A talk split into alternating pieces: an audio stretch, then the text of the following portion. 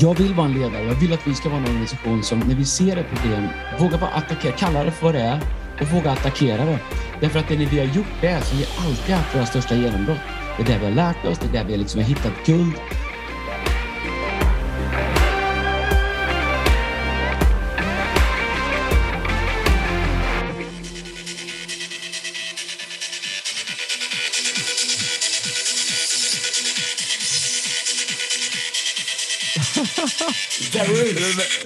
Sandstormen då. Det är ändå, alltså, Andreas, du sitter på ett hotellrum. Vi spelar in eller gör vi det? Du sitter på ett hotellrum Ja. i USA. Klockan är, vad är klockan? Ja, hon är sju på morgonen nu och vi har redan haft möten i två timmar snart. Man får dra på lite sa- Sandstorm med Darude för att vakna till här. Men ändå USA, alltså, måste jag säga. Det är ju grymt avundsjuk på det. Typ, vara där.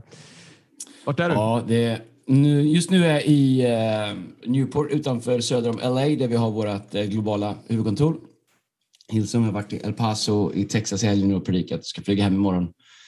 För ett staff training och andra saker här den här veckan och möten med folk och sådär. Så att, eh, träffa Kristin Kane och Nick imorgon.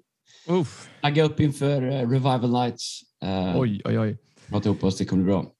Du kan ju ändå känna in det, liksom, att liksom här klockan är 15.00, det är kolsvart och det är typ minus 9. Det, är liksom, och det är den här blöta kylan, vet du. det har liksom inte frusit is här än- i Stockholm city än, så det, liksom, det finns ju vatten överallt för er som inte bor i Stockholm. Det är liksom, innan Va? det frusit is så känns det ju som att det är minus 40 i Stockholm. Ehm, Ja. Innan det frusit is. Så, så är det ju bara. Alltså, det ju, Men du vet, det går, det går inte att gå runt med era söderkavajer när det är minusgrader. Du måste ju skaffa riktiga jackor. Ja, jag såg en kille som körde på en Voi igår, alltså ingen reklam för Voi, men vet, han, bara- vet, han, vet, han snackar också i mobilen. Om de inte vill upp mobilen. sponsra oss, då är det reklam. Han tryckte upp mobilen mot ena liksom, axeln så här och så vet, Ah. vet, vet, han, gör, han gör sån vurpa, för vet, det är ingen vinterdäck på de där. Men du vet, och mobilen flyger eh, du vet, så här, och han flyger och du vet, han bara springer fram till sin mobil och så bara, det får köra. Så jag bara, är du kvar? alltså det är så sjukt med de här vojarna. Jag var i El Paso i helgen och eh, på, det var en sån här vinterfestival på, utanför hotellet där. Det var ju speciellt. Det var som, det var som ett torg liksom. Tänk dig som, eh, jag vet inte, Sergels torg typ. Så fullt med ljudbelysning och grejer. Men jag Så var var där, det jag vet det. Mm. Ja, ja precis. Eh, Men det- de har en sån här julfestival där liksom. Så det är bara, mm. vet, så här, marknad och grejer. Men det är liksom tre liveband som spelar samtidigt.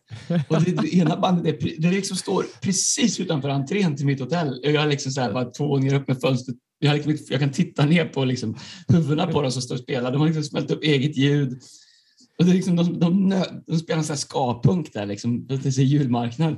De liksom nöter ner, du vet, så här, jag, efter några timmar liksom spelar fortfarande, sitter somna hos jetlaggad med, med huvud, tog kuddar och tryckte mot öronen. Och så här, och, Sen är det så här mexikanskt band som spelar längre bort liksom, och sen så är det, du vet, så här, sen så bara trycker de ut julmusik överallt där liksom via liksom alla hö- vi, och vi är, det är högtalare, varenda rabatt är full av högtalare liksom. Och bra tryck i dem också. Men folk som, har varit, folk som säger så här, jag har varit i USA fast de har varit liksom en weekend i New York. Jag säger inte att det är fel. Alltså, jag, jag menar inte så. Jag får inte låta som att man inte är privilegierad. Så här. Eh, Ja. men, men, du, Ja, men det är en typ av USA. jobbar. Men man, det är ju inte USA. Det är ju liksom en Ja, det är en typ av USA. Det är en typ av USA, men det är, li, det är Jo, en, men- eh, det är en men det är liten bara- tårtbit av USA. Ja, men det är bara New York som, som är så nu. Kanske lite Boston lite Chicago där det finns trottoarer. Resten sitter ju alla i stora pickups. Men jag menar El Paso, vi pratar längst ner i Texas. Ja, ja, ja. Det är ju, du ser ju till Nej, men- Mexiko därifrån. Ja, ja, men du är ju vid gränsen där. Precis. Det är ju, det är ju liksom bara en liten flod emellan. Liksom. Och ett stängsel. Och det, och det, nej men alltså, det, visst var det så att eh, häromåret så är den, den heter staden på andra sidan El Paso? Eh, en, um, av, Juarez. en av världens farligaste städer. Mm. Alltså utsett till världens farligaste stad tror jag 2016, 20, jag killgissar lite nu, men 2017 någonting. Men medan El Paso är, är, ut, utsett till USAs säkraste stad, eller hur? Ja, det är ju... Man kan säga att eh, Second Amendment har de tagit på allvar här. Vad man nu tycker om det. Ingen brist på vapen. De, hade ju ett, eh, de hade ju ett tjuring här i Walmart för några år sedan. Ja, just det. det är det. Mm. Eh, ett jättetyp som det var i Vegas för några år sedan. Så de hade ju det, det var bara två, tre år sedan. De hade en som gick bärsärkagång med, med vapen och sköt massa folk på Walmart och det var kaos. Så att, sen dess så har de ju säkerheten här är ju tas på stort allvar och det förstår man. Och sen så visst är flygvapnet där i El Paso också, eller hur? Alltså, Ja, det är, det är USAs näst största armébas. Armys är det. Ja, Så, ja, ja. så, Nej, det, Det är bra. Låt oss prata om USA. Du märker att jag försöker liksom inte komma in på någon sport idag. Jag känner att det liksom, Jo, vi håller lite Det USA. är det vi ska göra. Vi ska Vi prata, men, vet, vet, vi, pratar, vi, vi pratar om några saker. Okej, nummer ett. Jag var faktiskt glad. Djurgården slog Malmö. Det, det var bra. Det, Ja. Jag ska säga en sak. Hockey, Du nu pratar, om, hjälper nu pratar Andreas Ja, hockey. hockey. Ja, hockey. Ja, hockey. Ja, absolut. Ja, jo. Uh, jag, ehm, jag brukar ju tracka Djurgården lite grann. Man kan säga så här. Jag hjälper Djurgården och, och, och spelar där. Du gör ju inget för Leksand. Men det är bara, Nej, men så jag bara vilka- säger det. Jag bara det. med, Så jag är men glad ändå att vi vilken medgångssupporter du är. Därför att du håller på Malmö i fotboll, men sen i hockey, du skiter fullständigt i att gå för Malmö. Det är liksom bara, Nej, men jag håller inte på Malmö i valt vilket hockey. lag som låg bäst liksom, när du var tio. och så Nej, bara, det har inte gjort. Malmö fanns ju inte som hockeyklubb när jag var liten. Det var, det, Nej. det var ju bara Leksand och Brynäs. Ja, Um, ja, ja. Men Leksand går bra. Jag vet inte, det är sju, jag vet inte vad det är, alltså, men vi, eh, vi går bra. Vi låg under med 4-0 i första mötet i Champions League. På returmötet så vann vi med 8-1. Det är styrkebeskeden då, måste jag säga. Och hyfsat Eh, dåligt ja. försvarsspel hos de andra. Fotbollen. Det är en match från guldet för Malmö. Djurgården är väl borta, va? Ni kan inte ens teoretiskt. Ni kommer nog bli fyra. Om AIK vinner och vi vinner. Jo, om AIK vinner och vi vinner. Om Häcken slår, om häcken slår er sista match, då blir ni fyra. Då blir det, Ja, då blir det Malmö, AIK, Elfsborg, Djurgården. Då får ni inte spela Europaspel heller. Alltså, Oh, det, är, tufft. Det är lite så verkligen så pest eller kolera för mig. Därför att jag har vuxit upp, jag är djurgårdare, det finns ju ingen lag som man liksom Alltså jag hatar verkligen inte, jag älskar AIK. Jag är många AIK som jag, alltså vi har trummisar och allt annat möjligt eh, i andra musikerköken som är AIK. Men jag säga att AIK är, det, det är tufft alltså. Men och sen så Malmö vet jag hur jobbigt du kommer bli om de vinner på söndag. Då får vi hålla Nej, på och jag- där. Jag är ödmjuk vid vinst. det kommer bli svinjobbigt oavsett. Ja. Men jag, håller på, jag kollar på pingis nu. Nu tog vi VM-guld i pingis. Det är svinstort. ja, eh, de, vad heter kallar de dansar en sommar?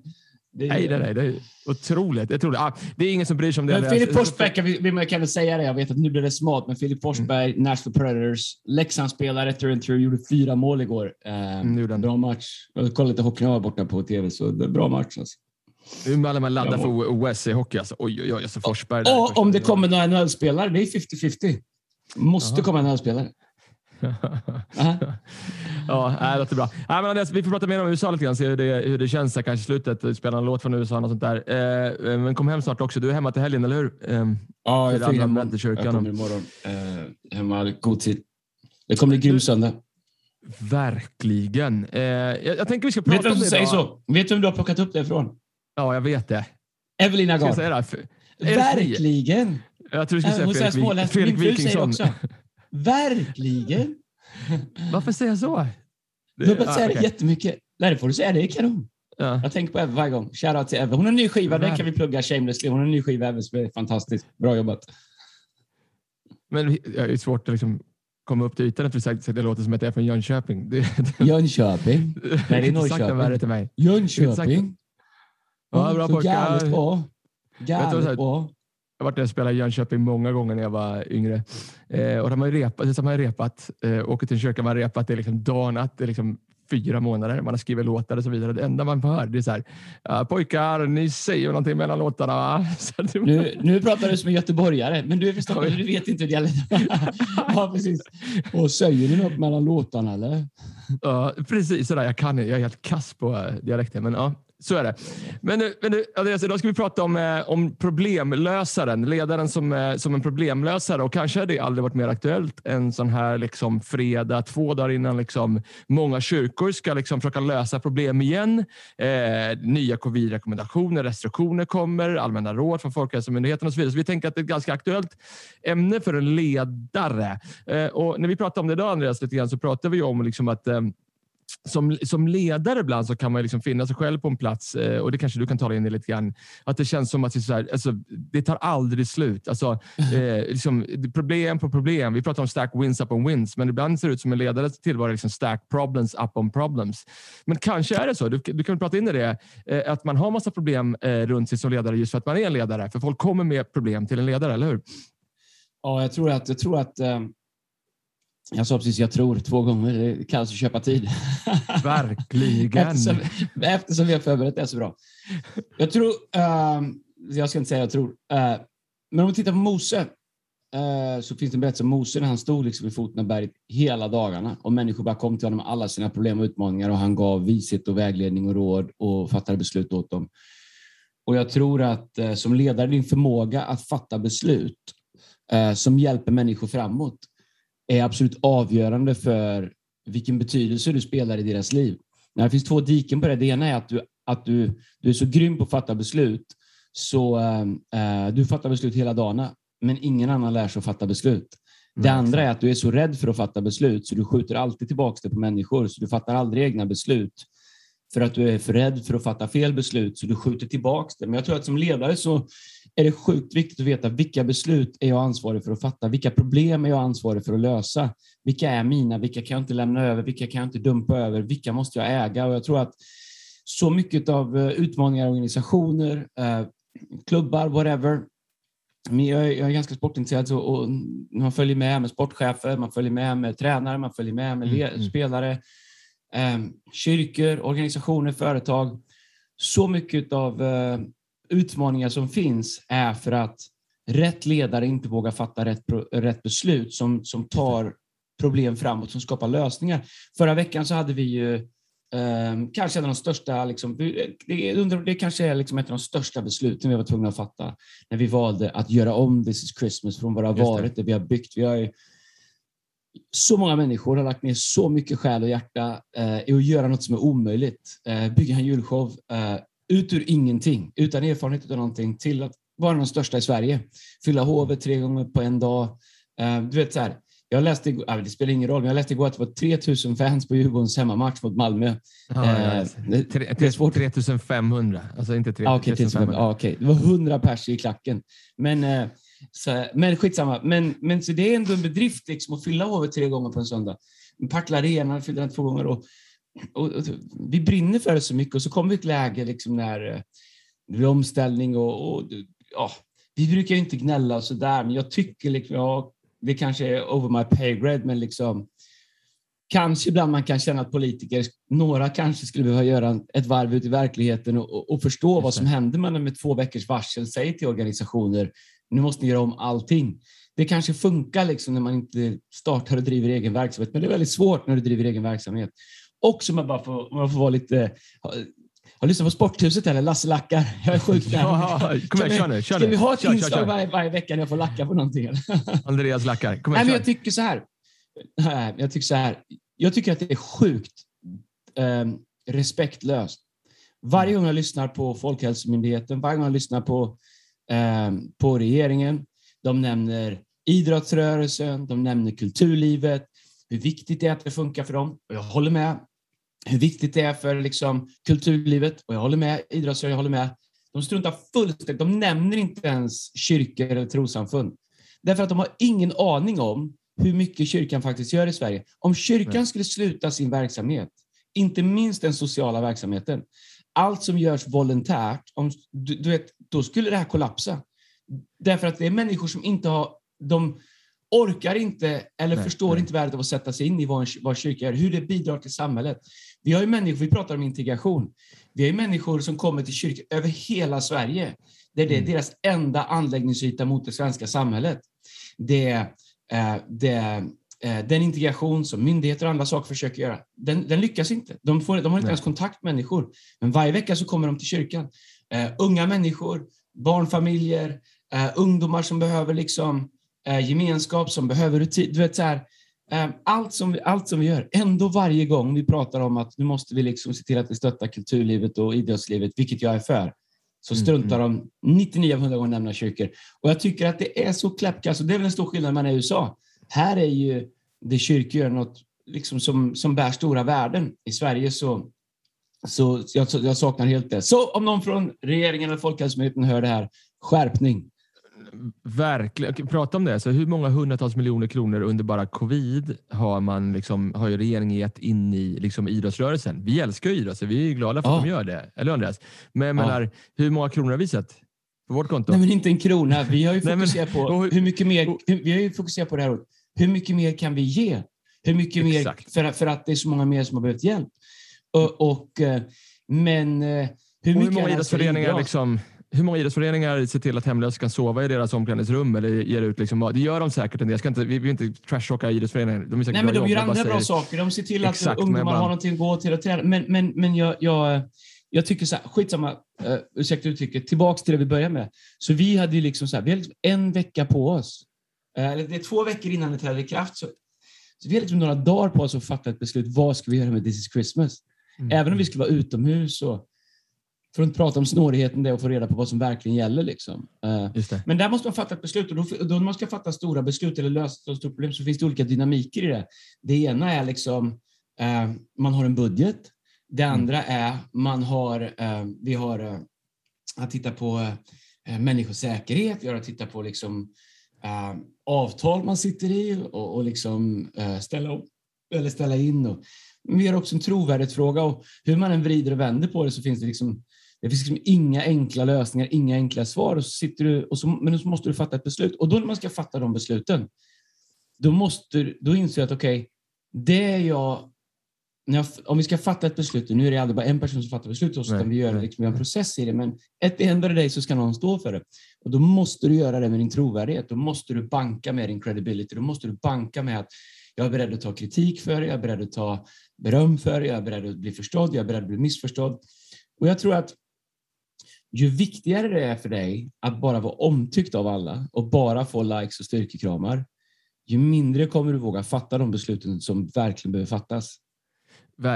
Grymt bra sagt. Jag tänker Andreas, det går lite i linje med det. Liksom, man skulle kunna prata om tre eller fyra saker som du undervisat om Andreas, eh, om liksom vad som gör en problemlösare till en problemlösare. Vi kanske kan prata i kontexten av This is Christmas och du är inne på det, liksom, första punkten, att identifiera problemet. Men kan du inte prata mer, liksom, hur ser den processen ut för dig? Och jag tänker ta This is Christmas som exempel här nu då. Eh, eh, då kommer människor till dig, du är en ledare, du förväntas fatta ett beslut, de kommer med ett problem till dig. Eh, liksom, hur leder du dig själv till en plats att du faktiskt identifiera problemet och du vet, liksom, så du vet vilket beslut du ska fatta? Jag tror att en sak som jag har, har fått jobba med, eh, jag är en emotionell ledare. Eh, jag leder på, med, jag är en intuitiv, emotionell eh, ledare. Jag har med mig känslorna det jag gör. Liksom. Och det bottnar ju i grunden i att jag brinner väldigt mycket för det jag gör. Och vi brinner mycket för det vi gör. Så jag tror att en sak som jag har fått jobba med och som jag har försökt bli bättre på, det är att så snabbt det går försöka ha min emotionella process eh, så att jag kan komma till en logisk och rationell process. Därför att det första när man tänker, när vi liksom tittar på liksom, kan vi göra det här och, eller behöver vi, behöver vi ställa in eller ställa om? Det första är liksom att man har en emotionell reaktion. Det här är inte sant. Det här är omöjligt. Man, det, det, det, vet, så här, hur ska det här gå? För vår egen del, liksom, så vi har precis börjat bygga kyrka igen den här hösten och känner momentum. Liksom, och sen så kommer det, så jag tror att det är jätteviktigt och jag tror att där är tid, eh, tid jätteviktigt och att ha bra folk runt omkring sig. Liksom, att du lär dig att eh, ta olika infallsvinklar, ta input, eh, ha konversation med fler människor. Men också lära känna sig själv. Okej, okay, jag, jag kan inte fatta beslut när jag är i ett emotionellt tillstånd. Jag måste låta liksom, krutröken landa lite grann så att jag kan se klart. Förmågan att ta sig till en plats där jag kan säga okej, okay, låt oss se rationellt på det här. Låt oss se eh, logiskt på det här. Sen kan det hända att vi, vi säger okej, okay, det rationella och det logiska säger det går inte. Men, vi väl, men tron säger det går. Men du fattar ändå de trosbesluten utifrån att du liksom um, gather the facts, att du liksom samlar in fakta. Och jag tror att uh, så, så det är det, jag tror att det är det viktigaste, att komma till en plats där du har en klar bild av vad det är som inte bara är känslomässig.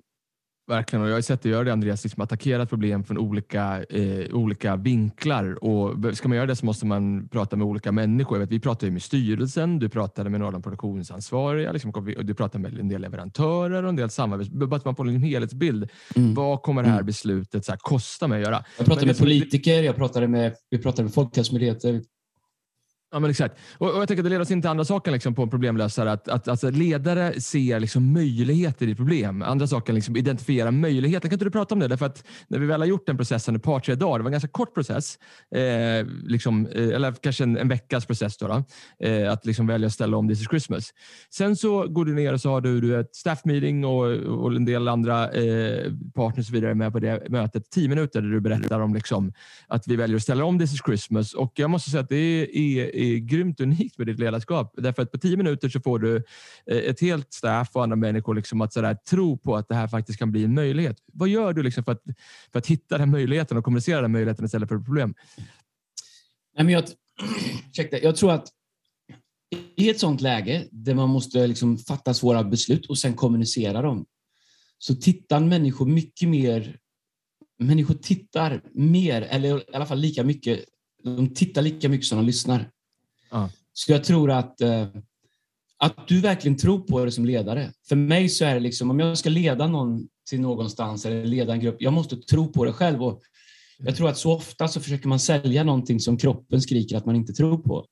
Eh, en av de sakerna var att när vi väl har fattat det beslutet, när vi har pratat med, jag vet inte, 50 pers, 100 pers, så kommer det ändå ner till att vi är några stycken som måste sätta oss ner och fatta det beslutet.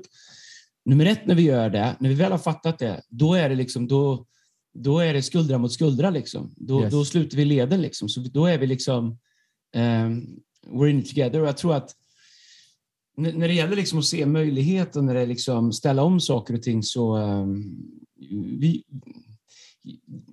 jag, jag tror man måste använda sin tro, alltså uh, trons gåva aktivera de gåvor som Gud har gett oss. Så, så för mig så handlar det inte bara om mitt praktiska ledarskap. För mig handlar det om faktiskt att aktivera trons gåva i mitt liv och leda utifrån eh, tro, leda utifrån eh, eh, att jag vet att allt är möjligt för Gud. Veta att, liksom, att det är inte så att Verkligen. Gud inte så den här dagen kommer. Det finns en väg och nu ska vi bara hitta den. Och så när vi tror att vi gör det, då, då, då går vi all in på det. Verkligen. Men jag tror att eh, um,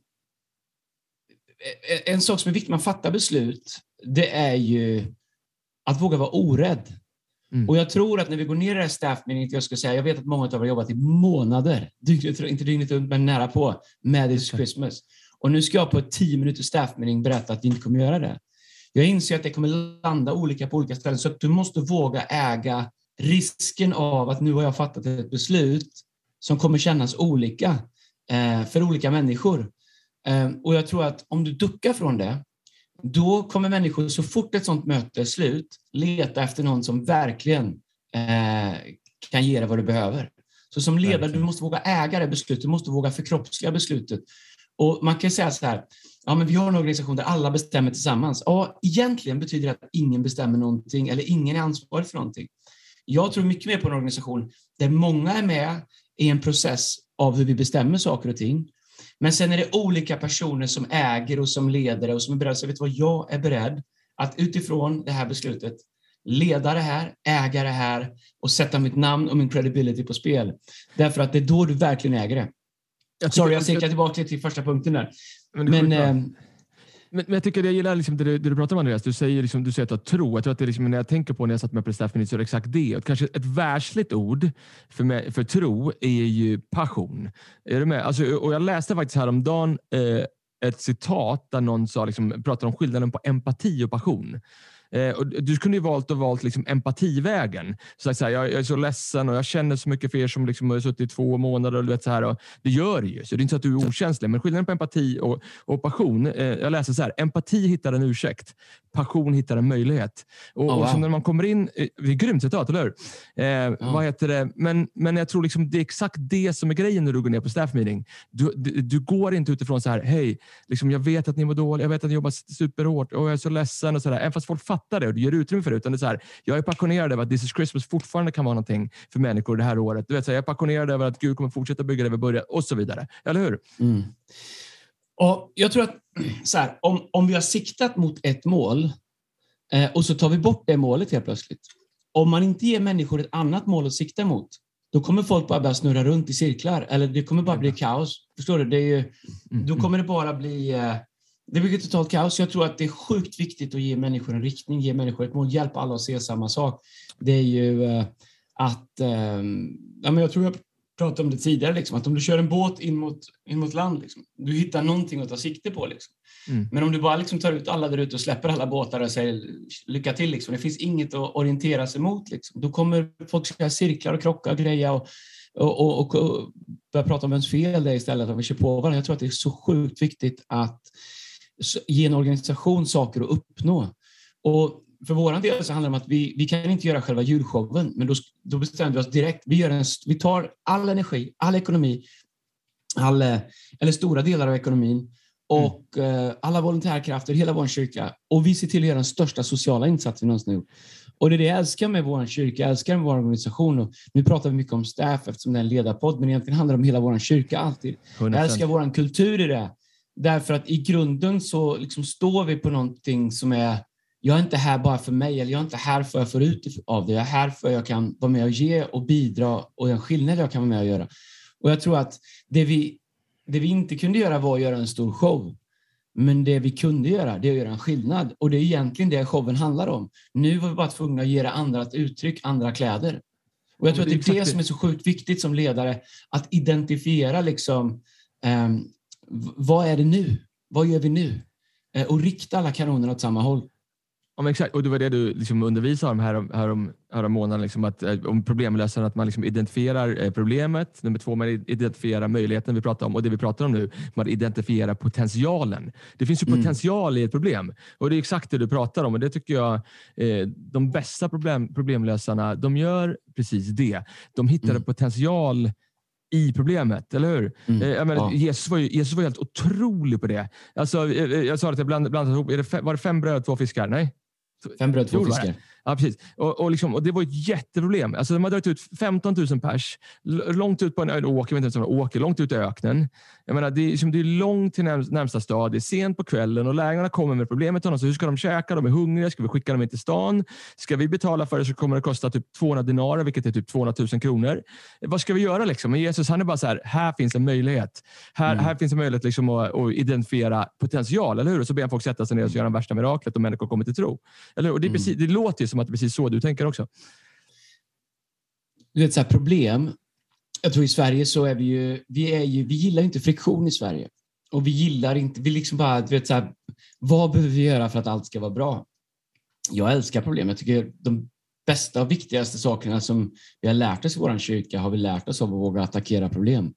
Jag tycker inte, jag tror som ledare ska man tänka liksom, om man säger att vi har ett problem, då på något sätt så skulle det slå mot mitt ledarskap eller det skulle liksom förminska mitt ledarskap. Och en del spenderar all sin energi mot att bara liksom försvara sig mot att vi har problem eller sopa problem under mattan. Eller, du vet, en organisation har alltid problem. Det uppstår interna problem, ut, du vet, utmaningar eh, och, och, vi möter problem. Jag, jag vill vara en ledare. Jag vill att vi ska vara en organisation som när vi ser ett problem vågar bara attackera, kalla det för vad det är och våga attackera det. Därför att det är när vi har gjort det som vi alltid haft våra största genombrott. Det är där vi har lärt oss, det är där vi liksom har hittat guld. Och jag tror att det finns så många både eh, relationer, familjer, organisationer, sammanhang, du vet så här, eh, vad det än är. Liksom. Om du bara vågar identifiera problemet och lite och våga sätta ord på dem. Jag vet att det blir obekvämt i många, i, i kontexten liksom, vi svenskar ofta funtar, att det blir liksom, usch, det blir obekvämt. Skav, det gillar vi inte. Det enda mörkret vi gillar det är liksom Lars Norén-pjäser. I övrigt så vill vi att det ska vara soligt. Liksom. Det finns ingen, det finns ingen anledning att Solsidan flyger i Sverige. Du har ju aldrig varit på, har du någonsin varit på, liksom, har du ens liksom, tittat två minuter på någonting som Lars Norén har gjort? Oklart. Har du, du, du, nej, nej, nej, nej. Jag kan säga sjunde, inse, sjunde inseglet med Ingmar Bergman. Är det han? ja. ja. ja det, nej, men, du vet, så här, nej, men vi, gillar ju det, vi gillar det mörkret, men så fort det kommer, liksom, så det, vi, vi gillar liksom inte att något blir jobbigt eller friktion, liksom, utan då ska det vara skönt och karaokekväll och slagarkväll och sådär. Liksom. Men, att, att det finns så mycket möjlighet i problemet, våga se problem, våga liksom Ehm, en del människor kommer med till problem och säger att det är ett problem, men när du väl har tittat på det så är det här är inte ett problem. Det här är liksom inte... Men, men ibland så är det problem. Och i de problemen så finns det guld. Och, och, och så varje problem, om man väljer att se det som en möjlighet, väljer att se det som, som en potential till att hitta guld, då, då kommer vi bli bättre allihop.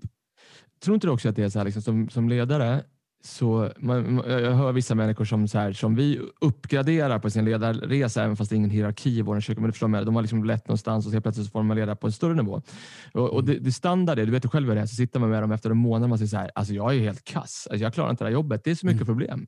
Ja. Eh, men, men, och så, så misstar man så tror man att man är kass bara, bara för att man har massa problem runt omkring sig. Men det är kanske just därför du är ledare, därför att folk kommer med sina problem. Jag, skulle, jag brukar säga till de människorna, om, du borde vara mer orolig för att folk inte kommer till problem med dig. Därför att du, mm. om, om du som ledare inte har problem runt omkring dig, så nummer ett, har liksom folk runt omkring dig liksom slutat tro på att du kan lösa deras problem. Eller mm. två, du har slutat bry dig, så de går till mm. någon annan med problemen, eller hur? Så det, det handlar inte om att fly problemen, det är det du säger också, utan, utan attackera problemen. Ja. Ofta så har ju varje organisation en uttalad ledare och sen så finns det massa informella ledare, vilket ofta är de som har bäst förmåga att hjälpa människor framåt, att ta sig framåt. Och eh, om du inte som ledare inte eh, axlar det ansvaret eller bröstar det ansvaret, då kommer människor leta efter någon annan.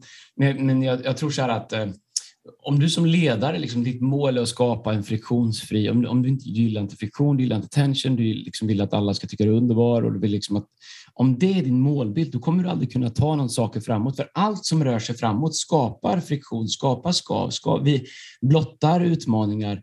Och det är liksom bara en del av att, av att leva en framåtrörelse och, och, man får jobba hela tiden med att bli bättre.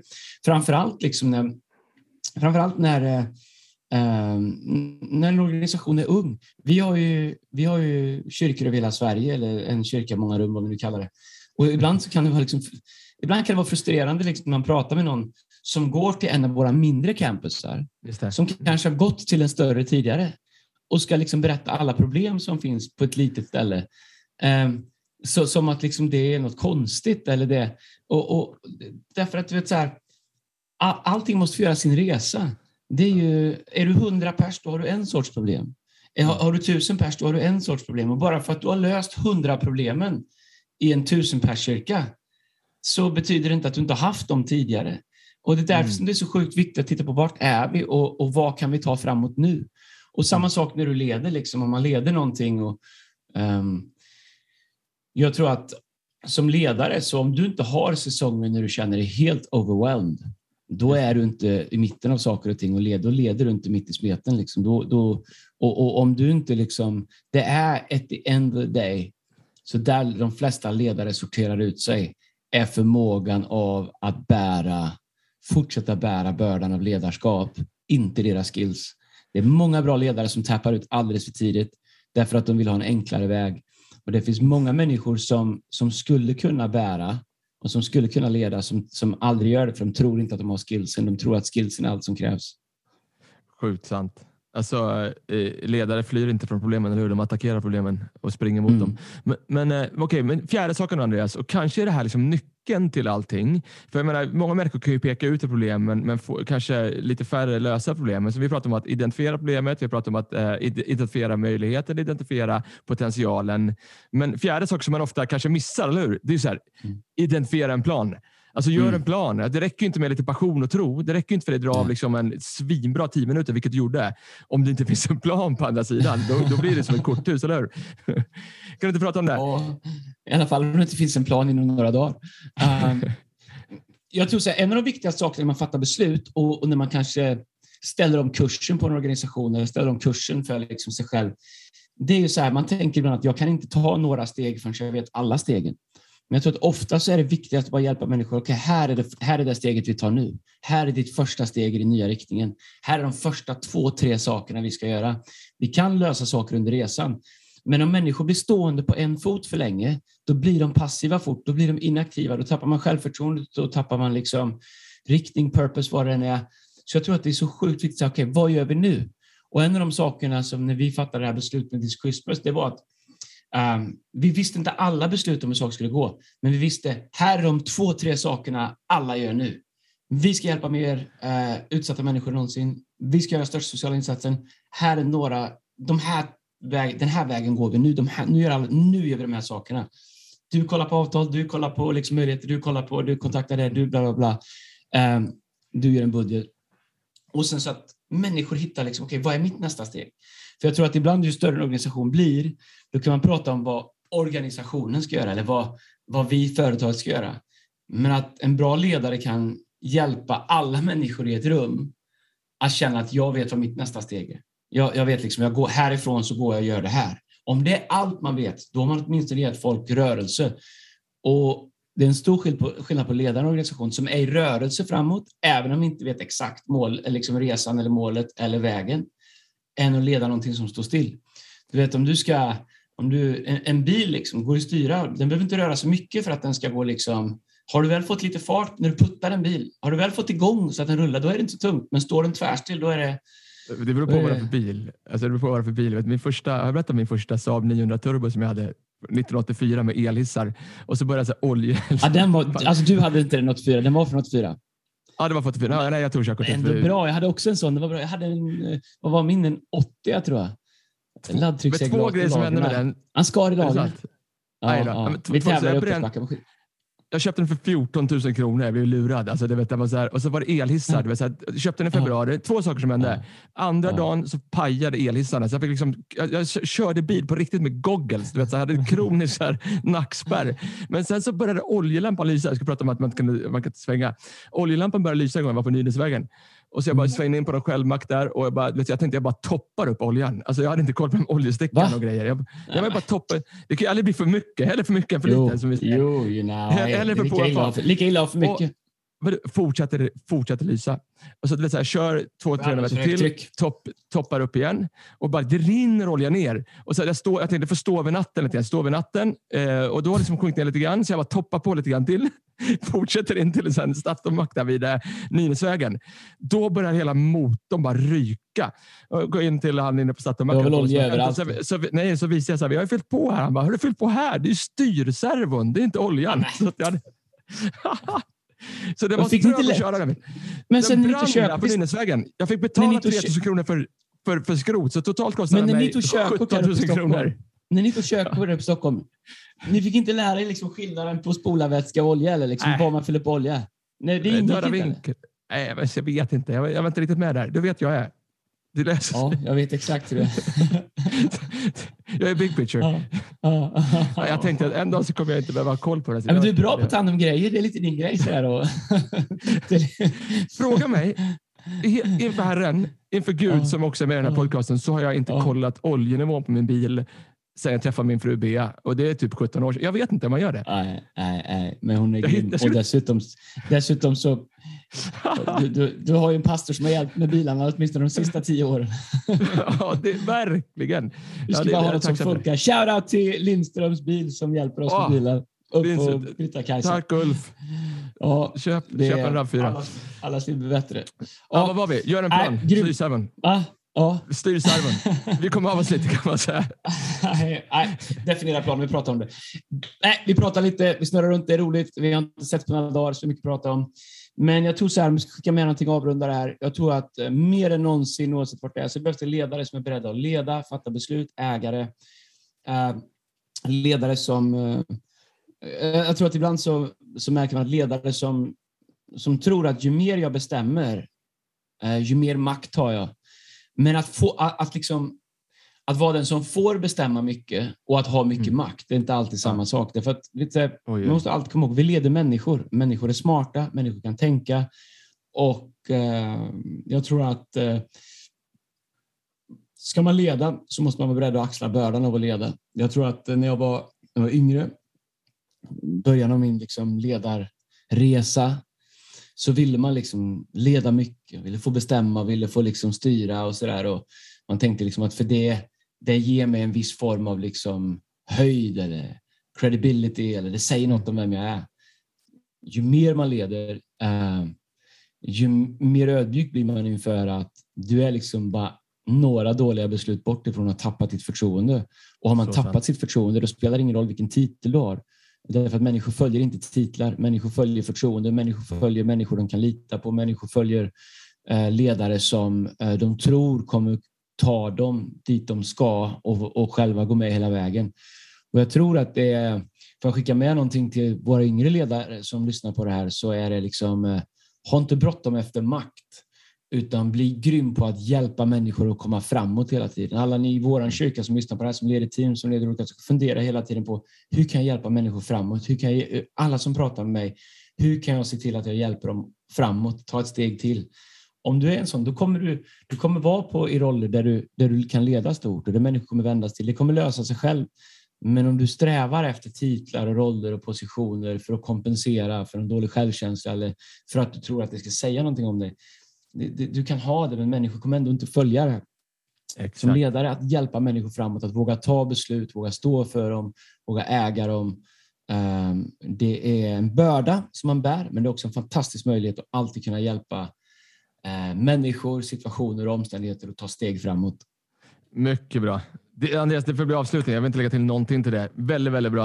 Eh, En låt då? början, Ja, det är början på december också. Är, vi- är, vi för Va? tidigt att spela, är det för tidigt att spela julmusik eller? Och ehm, kanske... Det är så mycket jul, alltså, mycket jul här i USA. Det är Thanksgiving Du och jag kommer här. säga exakt samma sång. Utan att prata så kommer du säga, snälla säg att du kommer säga samma sång som mig också. Du får välja en julsång. En julsång. Tänk, tänk, Ja. jag bara letar och letar. Det är lite, Alltså, är- den är inte skriven jag på gill- 2000-talet, 90-tal. men Liksom det, det är bra alltså. Nej, men sitter- får väl någon boyband. Jag gillar ju Nej, nej, nej, nej, Henrys nej. This Christmas. Nej, okej, ja, nej. Men det här Jag är gillar- one of, one of the classics. Vilken? Driving home. Ja, for Driving Home for Christmas. Chris Rea. Oh, Chris Rea. Oh, vad bra den är. Så vilken låt det är!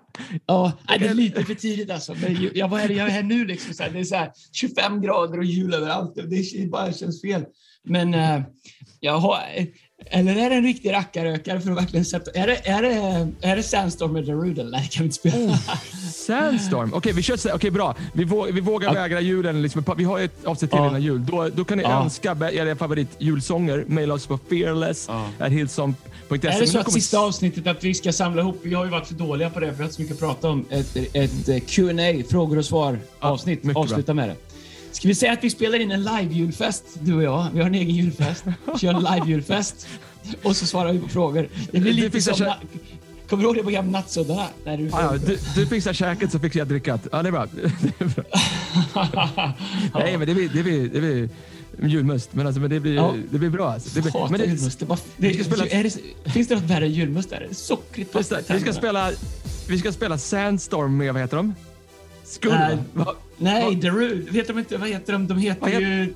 De heter... Vad har vi- ehm, vad har vi på? Darude heter de. Darude. Vi, Nej, jag från vet Finland, inte. eller? Har jag fel, eller? Ja, kanske. Jag vet bara Darude. Jag vet bara att det är, så här- det är bara, du vet, så här, starta igång alla hjärnceller liksom. Jag vet att den är het uppe i, den är het uppe i Luleå. Eh, De här liksom lite mer norra klubbarna. Nersläpp liksom i, efter offside, liksom nersläpp i ena teckningscirkeln där nere. Då, då gillar de att köra Sandstorm innan de släpper ner det. Det, det, det är Så- och uh, Back Black ärligt med ACDC. Jag ska ärligt säga att jag inte har lyssnat på den på 20 år. Det är ett problem på Dalen Problemlösning för det tar mig tillbaks till eh, stunder där vi inte kan prata i podden. Men det är, vi kör den en gång. Jag kanske börjar bara attackera det problemet och börja lyssna på Darude! det. Våga väga julen någon dag till så kör vi sen. Tack för att